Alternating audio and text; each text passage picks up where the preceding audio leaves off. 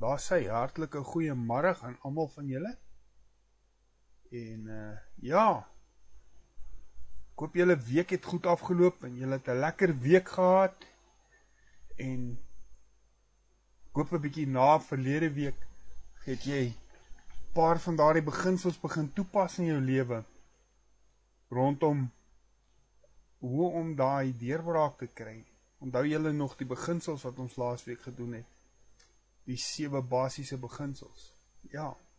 En as jy dit nie gehoor het nie, ehm um, jy is altyd welkom. Jy kan my WhatsApp by 066 205446 dan stuur ek vir jou die skakel waar jy daardie program dan vanaf kan kry. So, ja. Vandag wil ek 'n bietjie gesels oor die vier beginsels van oorwinning.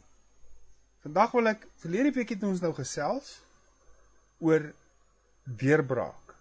Nou vandag wil ek bietjie met jou vier beginsels bespreek van oorwinning en dit is dit gaan dis dit sluit baie aan by verlede week want onthou nou as jy deurbraak kry dan moet jy daardie deurbraak moet oorsit in oorwinning. Verstaan jy? So ja. En dis waarmee ons begin. Kom ons begin met gebed. Dierbare Hemelse Vader, baie baie dankie dat ons hierdie geleentheid het om weer bymekaar te kom, Vader, dat U my as instrument kan gebruik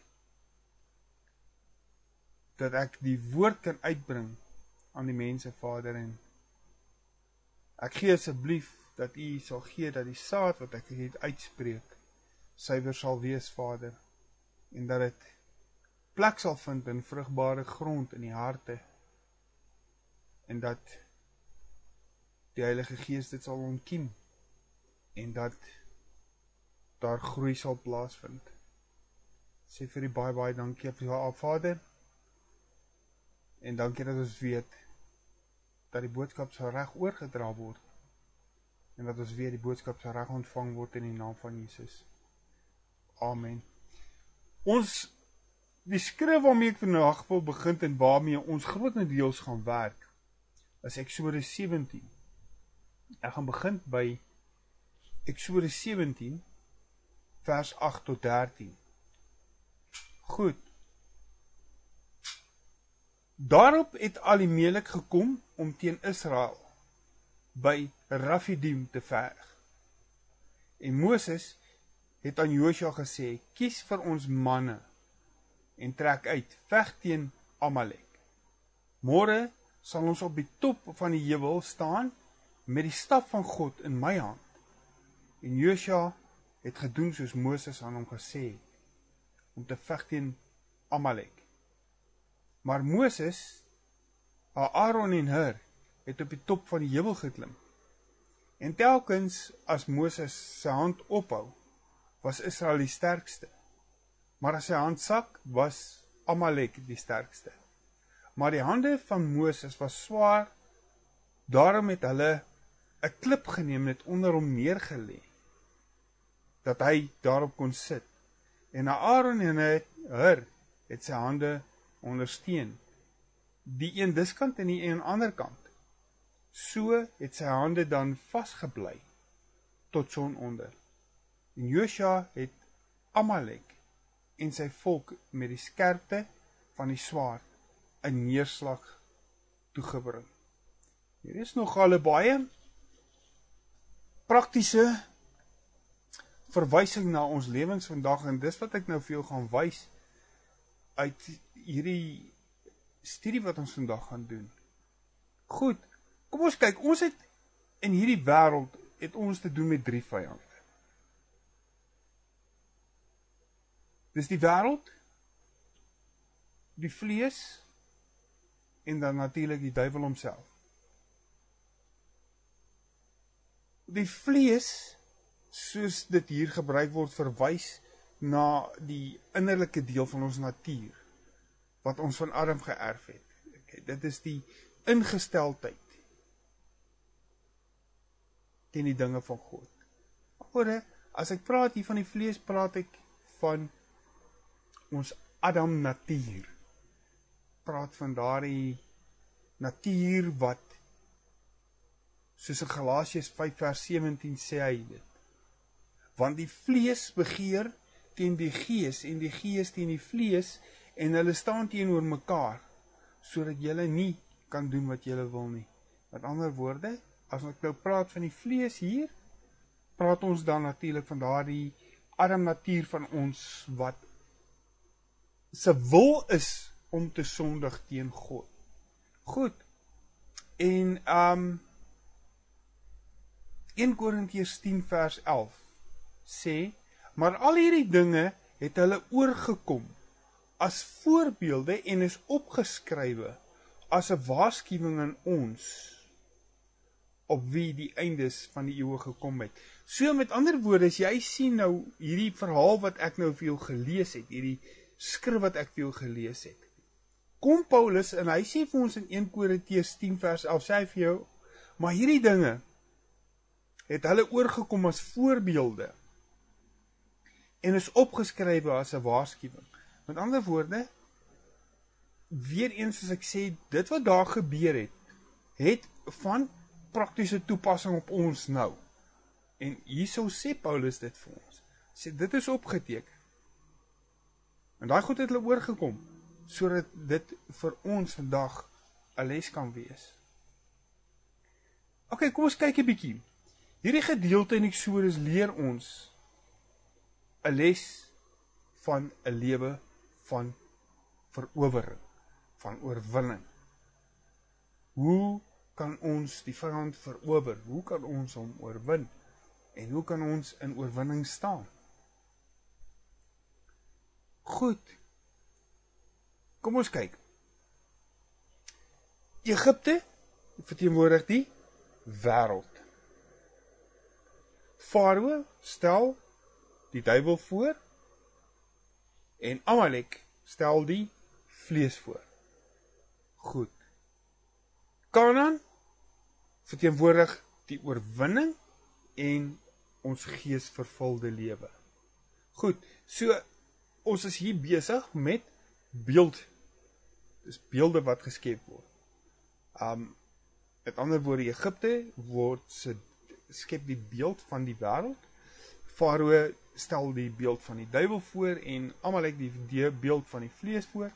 En dan die land Kanaan stel oorwinning voor. Goed.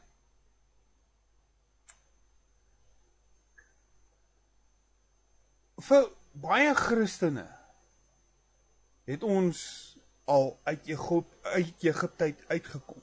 Maar ons dwaal nog altyd hier in die woestyn. En ons kom nie regtig by Kanaan uit nie. Dis asof ons in hierdie droë dorre plek is, asof jy al in die ronde gaan en jy kom net nêrens uit nie. Dis jy soos ons verlede week gesê het. Jy kry nie oorwinning nie, jy kry nie daai deurbraak. En nou kyk ons weer eens na Eksodus 17 vers 1 tot 6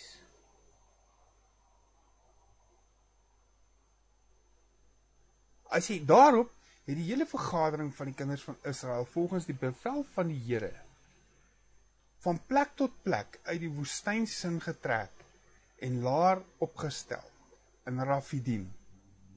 En daar was geen water vir die volk om te drink nie toe twis die hele volk met Moses en sê: "Gee julle vir ons water om te drink." Maar Moses antwoord hulle: "Wat twis julle met my? Waarom versoek julle die Here?"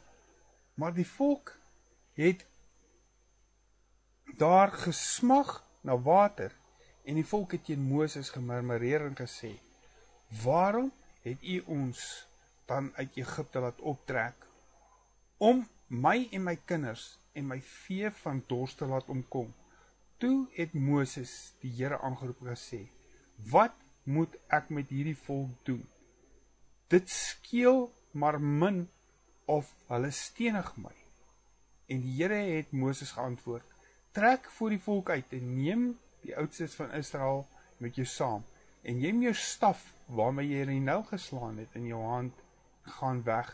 Kyk, ek sal daar voor jou by die rots op Horeb staan. En dan moet jy die rots slaan en daar sal water uitkom dat die volk kan drink. En Moses het so gedoen en voor die oë van die oudstes van Israel. So. Hier is hierdie Israeliete besig om te murmureer soos gewoonlik te kla want hulle het nie water nie.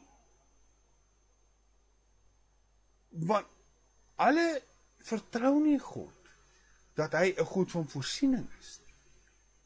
In plaas van om na God toe te keer en na Moses toe te keer en te vra wat gaan ons nou doen? Da, onthou jy moet hou in gedagte. Hierdie ouens is deur die Rooi See droogvoet. Die vyand is agter hulle verdrink. Hulle het gekom by Mara waar die water bitter was en hulle met hulle bitterbekke gestaan en mou. En God het vir hulle water soet gemaak sodat die lekkerste water was wat hulle gedrink het. Hier staan hulle weer voor 'n probleem. Ek meen teen hierdie tyd behoort hulle mos nou al te geweet het. OK, ons het nie water nie, ons sal binnekort water hê. Kom ons Moses, praat asseblief met God dat hy net vir ons sal water bring asseblief. Tree vir ons in. En ons God wat liefde is, sal vir ons water gee. Maar nee, Hulle in plaas daarvan is hulle almal besig om te murmureer. Die uiteinde van hierdie saak was God het Moses slaan op die water, daar kom water uit en God voorsien weer eens. Met ander woorde, ons eerste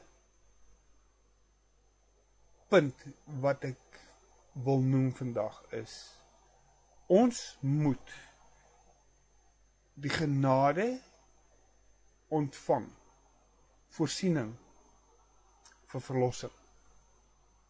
God het voorsiening gemaak vir verlossing deur Jesus Christus. Met ander woorde, dis die eerste beginsel wat ons volg om oorwinning te kry. En dit is ons moet die genade van die voorsiening van verlossing ontvang in ons lewens. Ons kyk na 1 Korintiërs 10 vers 4. En almal dieselfde geestelike drank gedrink het, want hulle het gedrink uit 'n geestelike rots wat gevolg het en die rots was Christus. Met ander woorde, hulle het toe na die tyd het hulle daardie water wat hulle gedrink het, het is weer 'n verwysing na vandag. Met ander woorde, hulle het 'n geestelike daai water was geestelik gewees. En dit was 'n geestelike rots wat Christus was. Jesaja 53 vers 4. Nogtans het hy ons krankhede op hom geneem en ons smarte die het hy gedra maar ons het hom gehou vir een wat geplaag is deur God geslaan is en verdruk is Jesus Christus is die rots van die eeue wat vir ons geslaan is en uit sy deur woorde sy het water uitgekom Daardie water verteenwoordig die Heilige Gees. Wat die water en die bron van lewe is. Soos Moses daar met die staf moes aan daardie rots geslaan het. So is Jesus ter wille van ons kranklede deur God geslaan En daardie water wat uit hom uitgekom het, was die water van die Heilige Gees wat vir ons lewe gee. Met ander woorde, Jesus Christus. Punt nommer 1. Hoe die die eerste beginsel van oorwinning is aanvaar Jesus Christus se verlossing. Aanvaar die verlossingsdaad wat hy vir jou gedoen het en ontvang die Heilige Gees wat die water van die lewe is vir ons. Goed. Punt nommer 2.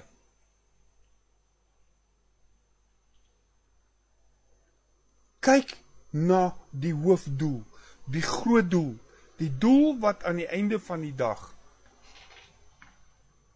daar is. En dit is Kanaan om in die beloofde land in te gaan. As jy nog in die woestyn is en jy ly dors in hierdie plek van dorre plekke. As jy vandag is soos wat Dawid gesê het, soos 'n hart in dorre streke, so smag my siel na God. As jy daardie water ontvang het, jy moet jou oë altyd gerig hou op Kanaan. Hou altyd jou oë gerig op die einddoel, die oorwinning. Jy gaan oorwinning kry. Jy gaan hier deurkom. Dit gaan nie altyd aanhou nie. Eksodus 3 vers 3 tot 8. En Moses sê: "Laat ek tot tog nader gaan aan hierdie groot verskynsel. Waarom die doringbos nie verbrand nie?" Toe die Here sien dat hy nuuskierig nader kom, roep God na hom uit die doringbos en sê Moses, Moses. En hy antwoord: Hier is ek. En hy sê: Moenie nader kom nie. Trek jou skoene van jou voete af want die plek waarop jy staan is heilige grond. Verder sê hy: Ek is die God van jou vader. Die God van Abraham, die God van Isak, die God van Jakob. Toe het Moses sy aangesig verberg want hy was bevrees om God aan te sien. En die Here sê, ek het duidelik gesien die ellende van my volk van Egipte en ek het hulle jammerklaagte oor hulle drywers gehoor, ja. Ek ken hulle smarte. Daarom het ek neergedaal om hulle uit die hand van die Egiptenaars te verlos en hulle te laat optrek uit daardie land na 'n goeie en 'n wye land, na 'n land wat oorloop van melk en honing na 'n woonplek van die Kanaaniete en die Hetiete, die Amoriete en die Fesiete, Jewiete en die Jebusiete, al die Ite. Goed. Hier gaan ons nou 'n stap terug na voor Moses nou nog op hierdie plek was, voor die Israeliete op hierdie plek was. Die Israeliete was in Egipte. En soos die woord hier sê, God sê, ek het hulle jammerklaagte oor hulle drywers gehoor. Ja, ek ken hulle smarte. So hierdie Egiptenare, hierdie Israeliete wou uit Egipte uitkom. Hulle doel was om daar uit te kom. Reg? En wat het ek gesê? Egipte verteenwoordig die die wêreld. Goed. So met ander woorde, ons moet uit die wêreld uitgaan. Ons moet deur die wêreld, ons moet die wêreld oorwin sodat ons in Kanaan kan kom, die koninkryk van God. So ons moet uit die koninkryk van die wêreld uit uitgaan na die koninkryk van God. So ons moet 'n gedagte hou, ons moet dit voor ons oë sien en ons moet dit sien. Dit is baie belangrik vir jou om te sien die beloofde land. sien dit, leef dit, ervaar dit, want weet God wil jou daar uitbring. Eksodus 17 vers 8 sê: Daarom het Amalek gekom om teen Israel by Rafidim te veg. Die koning Amalek was die kleinseun van Esau. En hy het baie meer belang gestel in die dinge van die vlees vlees as wat hy belang gestel het in die dinge van die gees. So hy was hy verteenwoordig die vlees.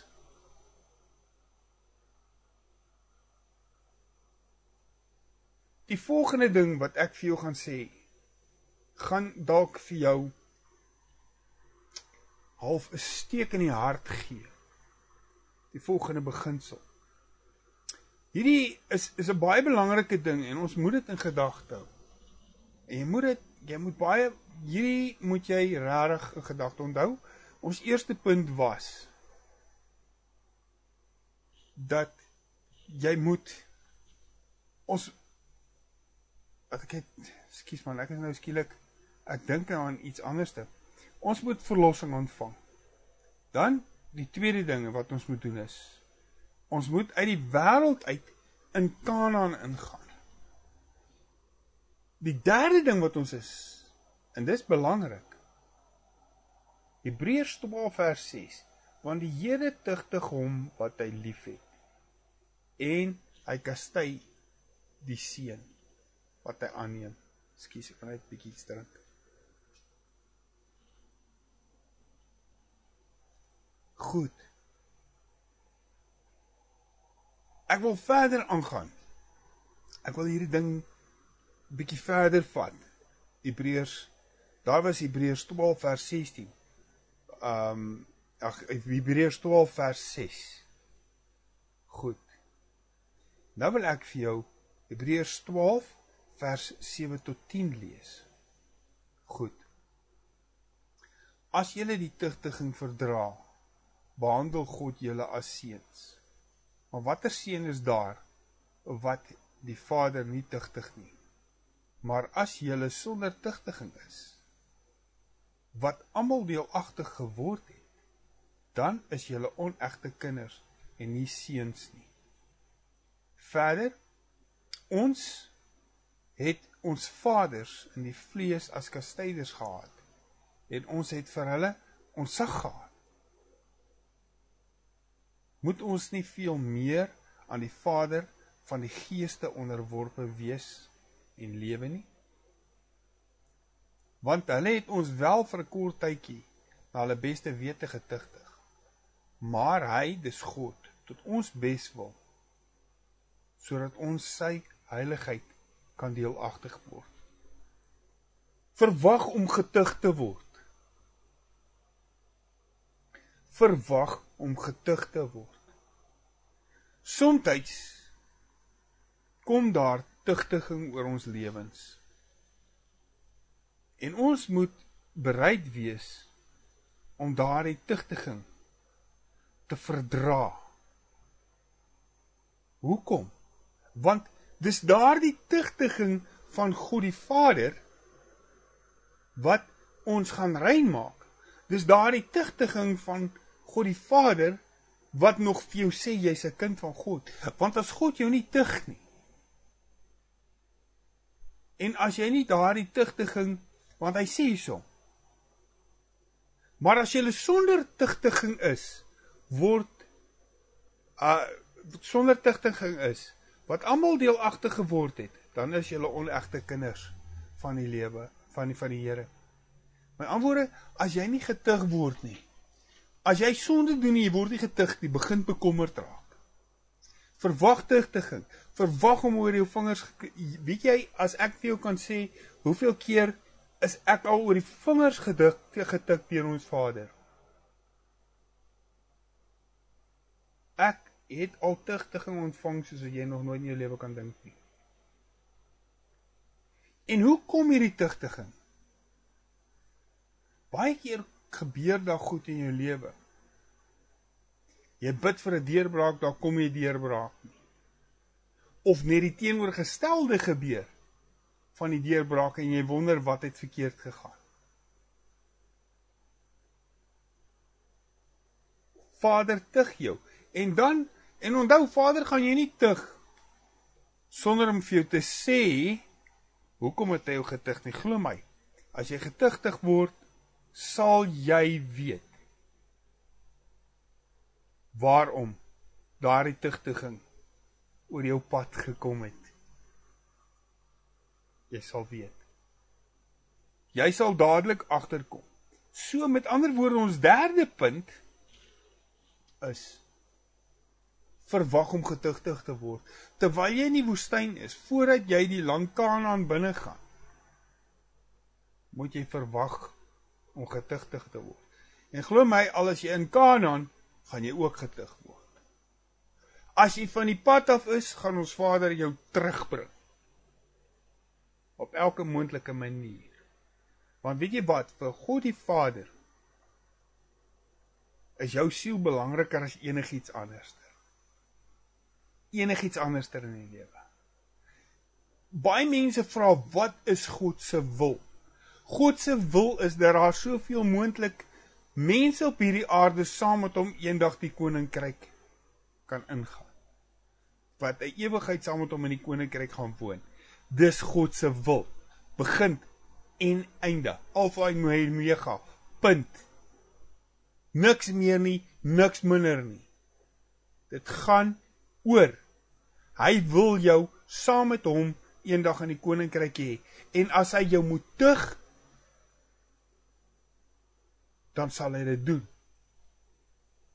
En jy moet leer om daardie tugtiging te verdra en dit is baie belangrik om dit te onthou dat jy ons Vader en hy tugtig jou nie omdat hy kwaad is vir jou. Maar jy moet een ding onthou. Dis dis iets wat ek net wil hê jy moet in gedagte hou. Né? is God te jou nie omdat hy kwaad is vir jou nie. God tugtig jou omdat hy lief is vir jou. Hy Ons kyk Hebreërs 12 vers 11. Sê dit so mooi. Hoor mooi.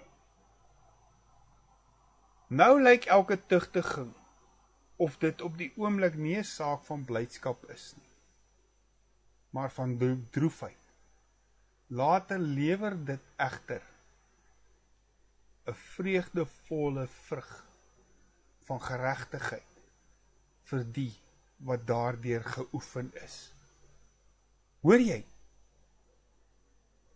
dit is egter 'n vreugdevolle vrug dit lewer 'n vreugdevolle vrug van geregtigheid.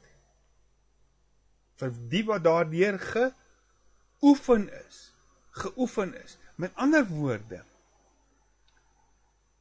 jy moet dit daardie tigtiging moet jy verdra. Want hoor mooi. Daarom rig die slap hande en die verlamde knieë weer op en maak reguit paaie vir julle voete sodat wat krepeel is nie uit lid raak nie maar liewer gesond gemaak word. Jaag die vrede na met almal en die heiligmaking waarsonder niemand die Here sien nie.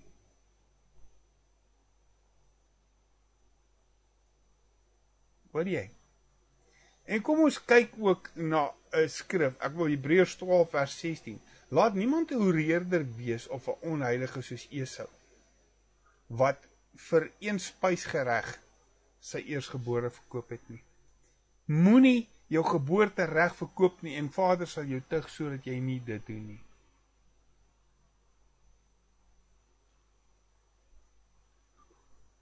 Onmiddellik as ons uit Egipte kom sal Amalek die vlees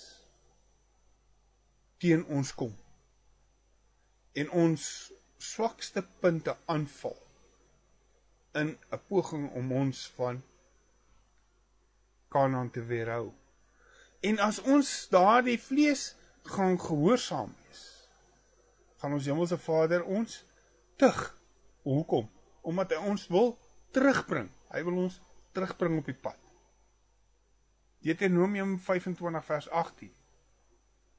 Hoe het jy op die pad hoe OK, skus. Hoe hy jou op die pad teëgekom het en by jou die agterhoede al die swakkes agter jou verslaan het terwyl jy moeg en mat was en God nie gevrees het nie. En hoor jy, God nie gevrees het nie.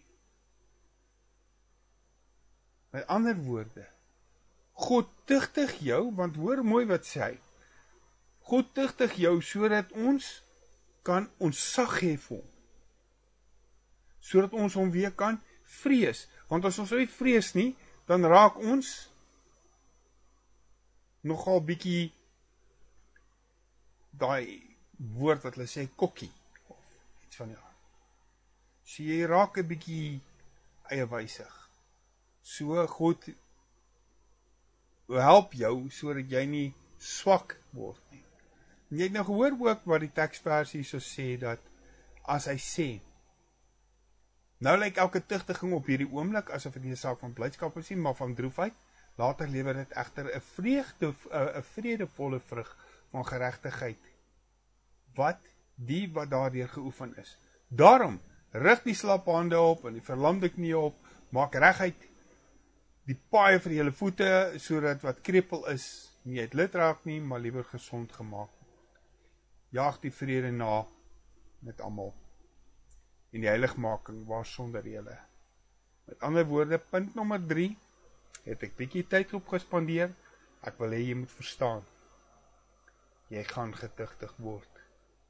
Maar God tugtig jou nie omdat hy kwaad is vir jou nie en omdat hy en God sit nie heeldag en wag om jou te tugtig nie.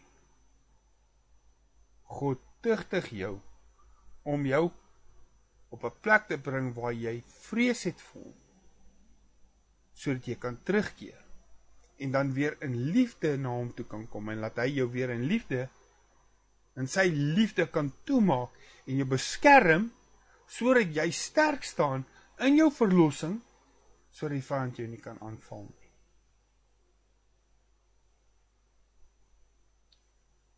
Nou kom ons by ons laaste punt.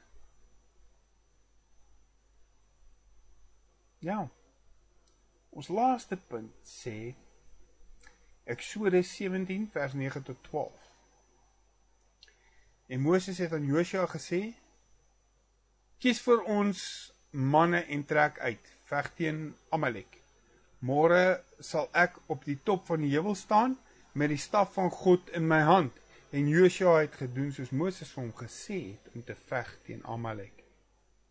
Maar Moses, Aaron en Hur het op die top van die heuwel geklim en telkens as Moses sy hand ophou, het hy het Israel was Israel die sterkste, maar as sy handsak was hy was Amalek die sterkste. Maar die hande van Moses het swaar geword, daarom het hulle 'n klip geneem en dit onder hom neergelê en daarop kon sit en Aaron en hy het sy hande ondersteun een aan die een kant en een aan die ander kant. So het hy sy hande gebly. Goed.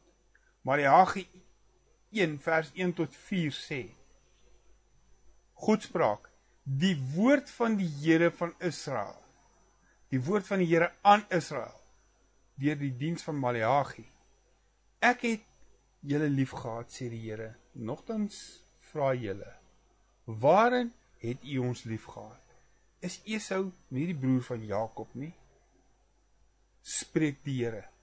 Tog het ek Jakob liefgehad maar Esau het ek gehaat en sy gebergte 'n wildernis gemaak en sy erfdeel aan die jakkalse van die woestyn prysgegee. As Edom sê ons is wel verwoes, maar ons sal die pynhope weer opbou, dan sê die Here van die leerskare dit: Laat hulle bou. Ek breek dit tog af. En die mense sal hulle noem grondgebied van die godloosheid en die volke van die Here en die volk waarop die Here vertoond is tot in ewigheid. In hierdie gedeelte praat God nie van die persoon nie, maar eerder van 'n nasie wat bekend gestaan het as Edomite. Verder praat God nie net oor mense nie, maar oor die beginsel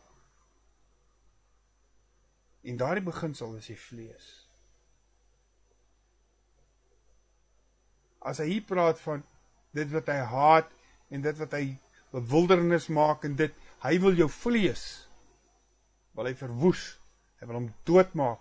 Hy wil hê jou vlees jou arm natuur moet tot niks wees nie. Romeine 8 vers 6 tot 7 sê want wat die vlees bedink is die dood Maar wat die gees bedink is lewe en vrede. Omdat wat die vlees bedink vyandskap teen God is. Want dit onderwerp hom nie aan die wet van God nie. Want dit kan ook nie. Ons sal altyd altyd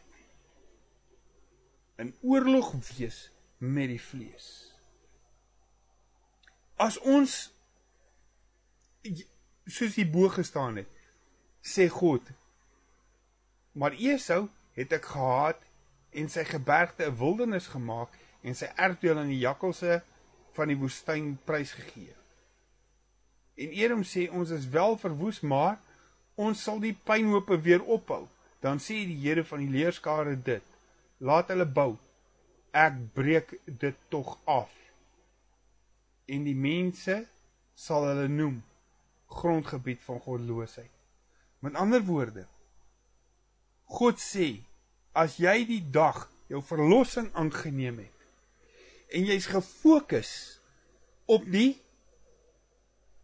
koninkryk van God, op daardie Kanaanland en jy aanvaar die tugtiging en jy aanvaar die as jy die oomente wat jy uit God se wil uitbeweeg. Soos daar toe Moses as Moses daai staf laat sak het. Het Amalek gewen. Die momentum wat jy toelaat wat jy onder God se beskerming uitbeweeg. Gaan hy toelaat dat jy aangeval word en hy jou gaan jou persoonlik tugtig voordat iets ergers met jou gaan gebeur. Hy gaan jou tugtig en hy gaan jou terugstuur dat jy gaan weer onder die dekmantel van sy liefde is. En dan gaan jy op 'n plek wees waar jy waar God sê die vlees gaan weer probeer opkom en die vlees gaan weer probeer om jou te reed om terug te gaan.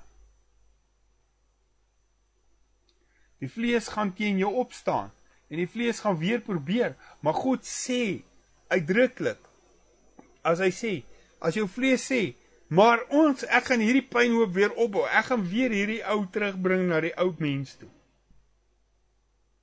Dan sê God, ek breek ek breek dit af. God sal dit vir jou afbreek. Jy het die oorwinning in Jesus Christus gekry. Onthou een ding. Die eerste ding is verlossing. Jy die oomblik wat jy verlossing ontvang en jy fokus op Kanaan, op die belofte, op die op op die koninkryk. Reg? En jy aanvaar dat as jy uit die wil van God uit beweeg, dat God jou sal tugtig sodat jy hom vreesagtig is. Sodat jy nie laks is in jou geestelike lewe nie.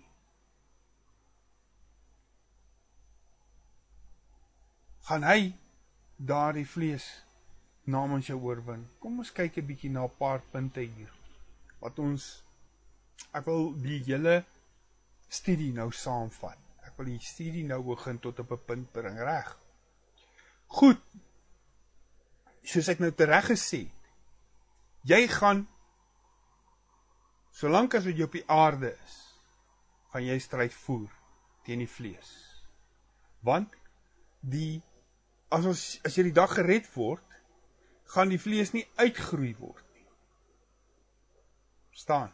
So hy gaan altyd probeer terugkom. Hy gaan altyd daar iewers ter wees om sy bes te probeer. God het vir Moses gesê om die staf op te neem. Wat die staf van God was, wat die krag van God verteenwoordig het.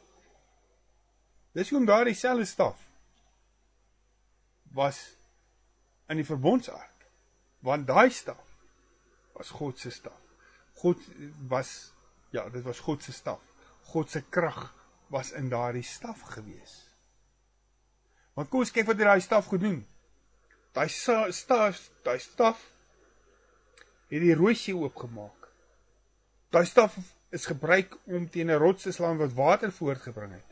Daai staf het die kinders van Israel uit slawerny gelei. Daai staf het hulle uit um oorloë uit gelei.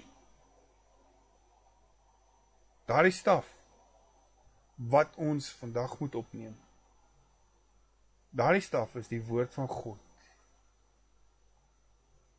En die gees van God wat in ons moet wandel. Ons moet daardie staf opneem. Ons moet die staf van die woord opneem. Die staf van die Heilige Gees wat ons sal lei waar ons moet wees. En soos Aaron en Hur Moses se hande omhoog gehou het, moet ons mekaar se hande ophou. Want die oorwinning is deur God al klaar aan jou gegee. Aaron was 'n priester wat die gebed verteenwoordig. Hur se naam beteken reinheid. Ons moet die hande van die volk van God met gebed en reinig reinheid omhoog hou. Want onthou net een ding. Die stryd is God se. Jy het klaar die oorwinning gekry. Die stryd is nie joune nie. Jou stryd is om gelowig te bly. Jou stryd is om te glo dat God jou klaar die verlossing gegee. Jou stryd is dat God klaar die stryd oorwin het deur Jesus Christus. Jesus Christus het oorwin. Hy klaar oorwin. Jou stryd is om dit te bly en binne in die God van in die wil van God te bly. Want as jy uit daardie wil van God uitkom, gaan hy jou tugtig. So met ander woorde, wat is die stryd wat jy moet stry? Die stryd wat jy moet stry is jy moet die verlossing ontvang. Jou oog op Kanaan rig en uitgaan na Kanaan toe.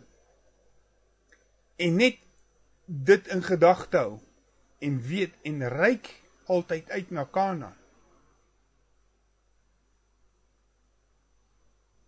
En weet dat as jy onder God se uit God se wil uit beweeg, gaan hy jou tugtig. En ons moet die staf van die woord van God hou in ons hande. Die woord moet in jou hande wees sodat jy dit kan lees, sodat jy daardie staf van die Heilige Gees kan gebruik. Want jy kan nie die woord van die Heilige Gees skei nie. So, jou woord, die woord van God is die Heilige Gees en die Heilige Gees is die woord. En dis die staf waarmee jy oorwinning kry. En onthou een ding. Ons moet mekaar ondersteun deur gebed en reinheid. En dit is ons studie vir vandag. Ek hoop julle gaan 'n geseënde week verder hê. En uh ek hoop die boodskap gaan vir julle van waarde wees. Wees gegroet in die naam van ons Here Jesus Christus en onthou net na my is Dr. Alkemal. Goed gaan.